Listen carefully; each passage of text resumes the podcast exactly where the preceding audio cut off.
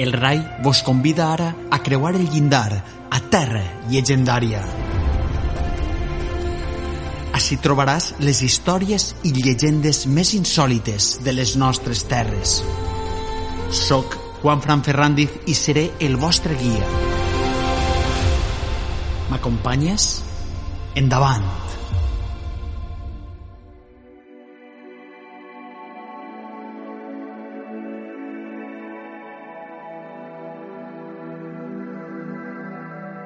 Som fills de la Mediterrània.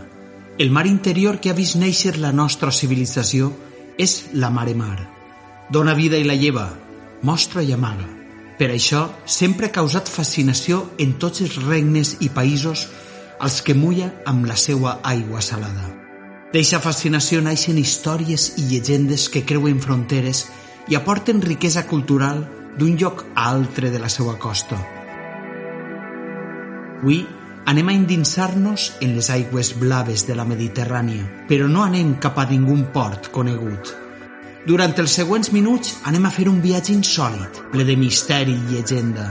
Amb la riquíssima imaginació que tenien els nostres avantpassats, anem a la recerca d'illes mítiques, llegendàries i fantàstiques que al llarg dels segles han sigut esmentades per navegants i viatgers. No sols l'Atlàntic té les seues illes mítiques, com l'Atlàntida o l'illa de Sant Brandan. També la Mediterrània compta amb antigues tradicions, sobre illes on les regles físiques d'aquest món deixen de funcionar i llavors actua la gramàtica de la fantasia. El primer viatge és el més antic i anem de la mà del poeta Homer per l'Odissea. Diuen que la humanitat encara no ha sigut capaç de crear cap història diferent de la que ens conta el poema i que totes i cadascuna de les narracions posteriors escrites durant mil·lennis no són altra cosa que versions d'aquell viatge mític de l'heroi Ulisses per a tornar a Ítaca, la seva llar. La més gran alegoria del viatge de transformació que tothom fem durant la nostra vida. Però alguns apunten que també parla d'un fet misteriós i transcendental per a la humanitat. En eixe miti viatge de tornada després de la guerra de Troia, Ulisses visità diverses illes fantàstiques, com per exemple Ohigia, on restarà set anys captiu de la nimfa Calipso i es planteja el gran dilema de la humanitat. Cal escollir entre la seguretat i la immortalitat o la llibertat i la identitat. Què faríeu? I és que l'Odissea no és un simple relat d'aventures gregues, està parlant-nos d'un canvi en la història que suposa es va produir en Europa allà per l'època del bronze. Estem parlant de la implantació del patriarcat i de com la literatura ho reflexa d'una manera simbòlica. Res és casual en el misteriós poema grec. Els senyors de la guerra ja han destruït Troia, que representa la vella cultura, i a l'Odissea apareixen les dones més poderoses, Calipso, Circe, les sirenes, recollides totes elles en illes. Cap d'elles sortirà més, perquè ja no pertanyen a aquest món. Representen el record d'un temps on la vida era diferent, on les dones estaven en contacte amb els déus, eren magues i poderoses. La seva fertilitat era un do, la seva ànima era sagrada i el seu cos respectat. Antics mites, relats i restes de pintures com les que trobem als temples minoics de Creta demostren l'existència d'eixe temps on homes i dones es regien de manera diferent. Però un dia, de sobte, es va alçar una espessa polseguera a l'horitzó. Eren genets que gelaven la sang, homes arribats de l'est que portaven esmolades espases i destrals Pobles guerrers que havien fet de la violència i la conquesta la seva manera de viure. Molt pronte es van expandir per Grècia i per tota Europa. Les restes arqueològiques parlen d'enormes matances, poblacions senceres massacrades, i venien per a quedar-se, destruint la cultura anterior i portant nous mites. Les grans deeses de la fertilitat van cedir el lloc als autoritaris déus pares.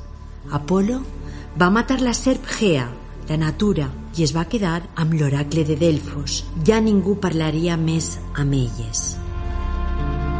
Algunes d'aquestes illes llegendàries que Ulisses recorre és, per exemple, l'illa Ea, on viu la poderosa maga Circe. Posseïa una vareta de virtut que podia convertir els homes en animals i era una gran experta en fetilleries, remeis i herbes. Circe representa la saviesa femenina i el seu coneixement de la natura. Altra relíquia d'eixa primitiva i oblidada societat matriarcal la tenim en l'illa de les sirenes. Criatures mig dones i mig peixos que amb els seus cants poden fer perdre el cap dels homes. Per això cal fugir i no escoltar-les. Potser cantaven versos dels antics temps? De quan elles també tenien veu en la societat? Eren per això tan perilloses les sirenes?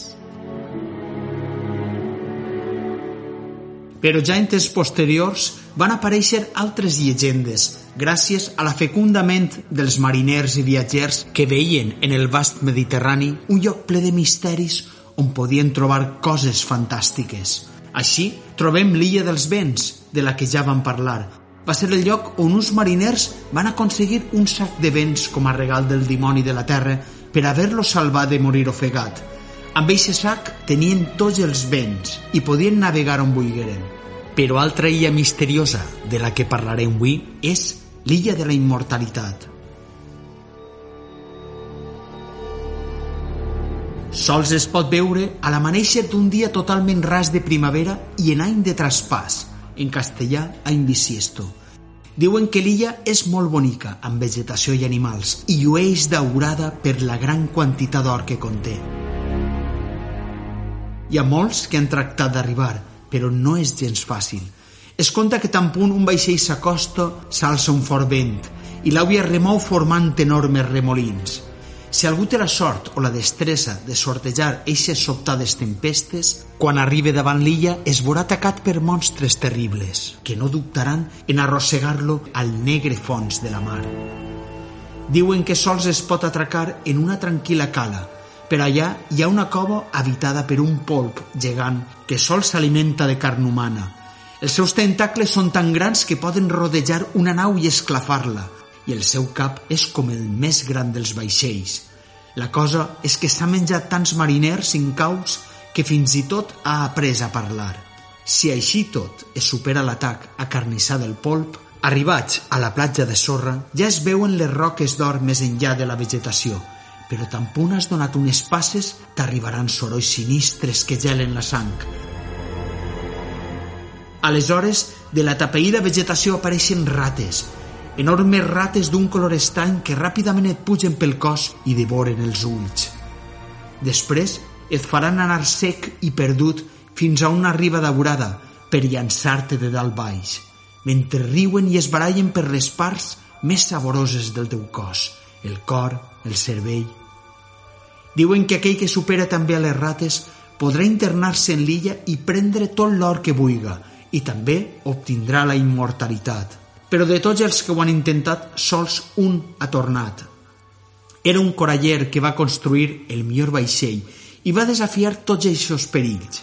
Va arribar a la platja i va tenir a unes passes les roques d'or i la immortalitat, tot a l'abast de la mà, però al fi les rates el van vèncer. Havia arribat tan lluny que rosegadors el van deixar viure i va tornar, això sí, sec, sense cor i sense cervell. Era una advertència per a qualsevol cobdiciós. Altra illa és una que està davant les costes italianes, anomenada l'illa del Diable. És evitada pels mariners perquè dona mala sort si es passa a prop d'ella, i més quan des de l'illot aparentment desert i deshabitat, arriben misteriosos renecs i sorolls que gelen la sang. Segons la llegenda, el diable no parava de presentar-se a Sant Francesc per tentar-lo.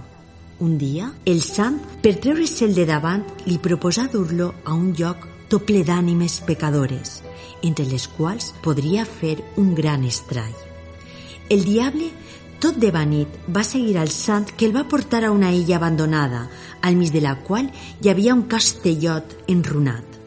Aleshores li explicà que allí dins estaven les ànimes. Tan punt va desembarcar, el sant li digué que s'havia oblidat les claus del castellot i li proposà que l'esperés mentre les anava a buscar. I allí està encara eixe diable, tot enfurismat per la treta, i es passa el dia albirant l'horitzó per veure si veu passar alguna nau. Quan en veu una, pregunta furiós als mariners. Coneixeu en Barbasses? Referint-se a Sant Francesc. Si el veieu, Digueu-li que encara l'estic esperant. Els mariners procuren passar lluny de l'illot i sobretot per la tardor, quan s'acosta el dia de Sant Francesc. La raó és que el sant té riures del diable cada any pels voltants del dia de la seva festa amb el cordó de frare que porta, venta una forta cordonada al cel i produís borrasques i tempestes terribles – això explica els canvis sobtats de temps per octubre. A la nostra terra coneixem bé els efectes de les gotes fredes i de les danes. Eixa és l'explicació llegendària d'abans.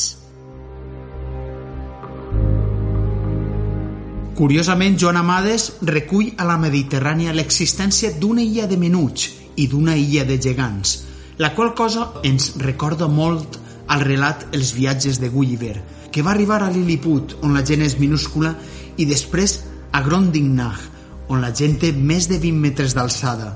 Serà la nostra llegenda mediterrània anterior a la novel·la publicada a Anglaterra en 1726? Qui sap? Altra curiositat és l'illa de Judes. La vespre de Nadal els mariners no deuen endinsar-se molt mar endins perquè poden trobar-se amb un misteriós illot del que ningú coneix la posició exacta, que es diu la seca de Judes. És una roca que supera per molt poc la superfície de l'aigua i, per tant, és molt perillosa, doncs es pot encallar el vaixell en ella molt fàcilment. Allí fa Judes, el deixeble traïdor, el sopar de Nadal. Sols pot eixir de l'infern els diumenges i en dates molt assenyalades, però almenys el seu esperit turmentat pot prendre l'aire encara que siga en un illot perdut a la mar, lluny de qualsevol mirada i contacte. Però alguns diuen que l'illa és mòbil, apareix en llocs diferents i el problema és que si algun vaixell la troba, sentirà una irrefrenable atracció cap a la rocalla, són moltes les naus que es perden per a sempre en les aigües i es creu que moltes voltes és culpa de la fatídica trobada amb la seca de Judes. I podríem seguir contant més llegendes, però el temps s'ha esgotat i tornem als ports valencians, recordant la llegenda de l'origen de l'illa de Benidorm, que ja van contar, i deixant per altra ocasió llegendes al voltant d'altres illes, com per exemple les Columbretes. Perquè la mar Mediterrània és una font inesgotable de relats i llegendes, a la que tornarem sovint en aquest recorregut per la vostra terra llegendària.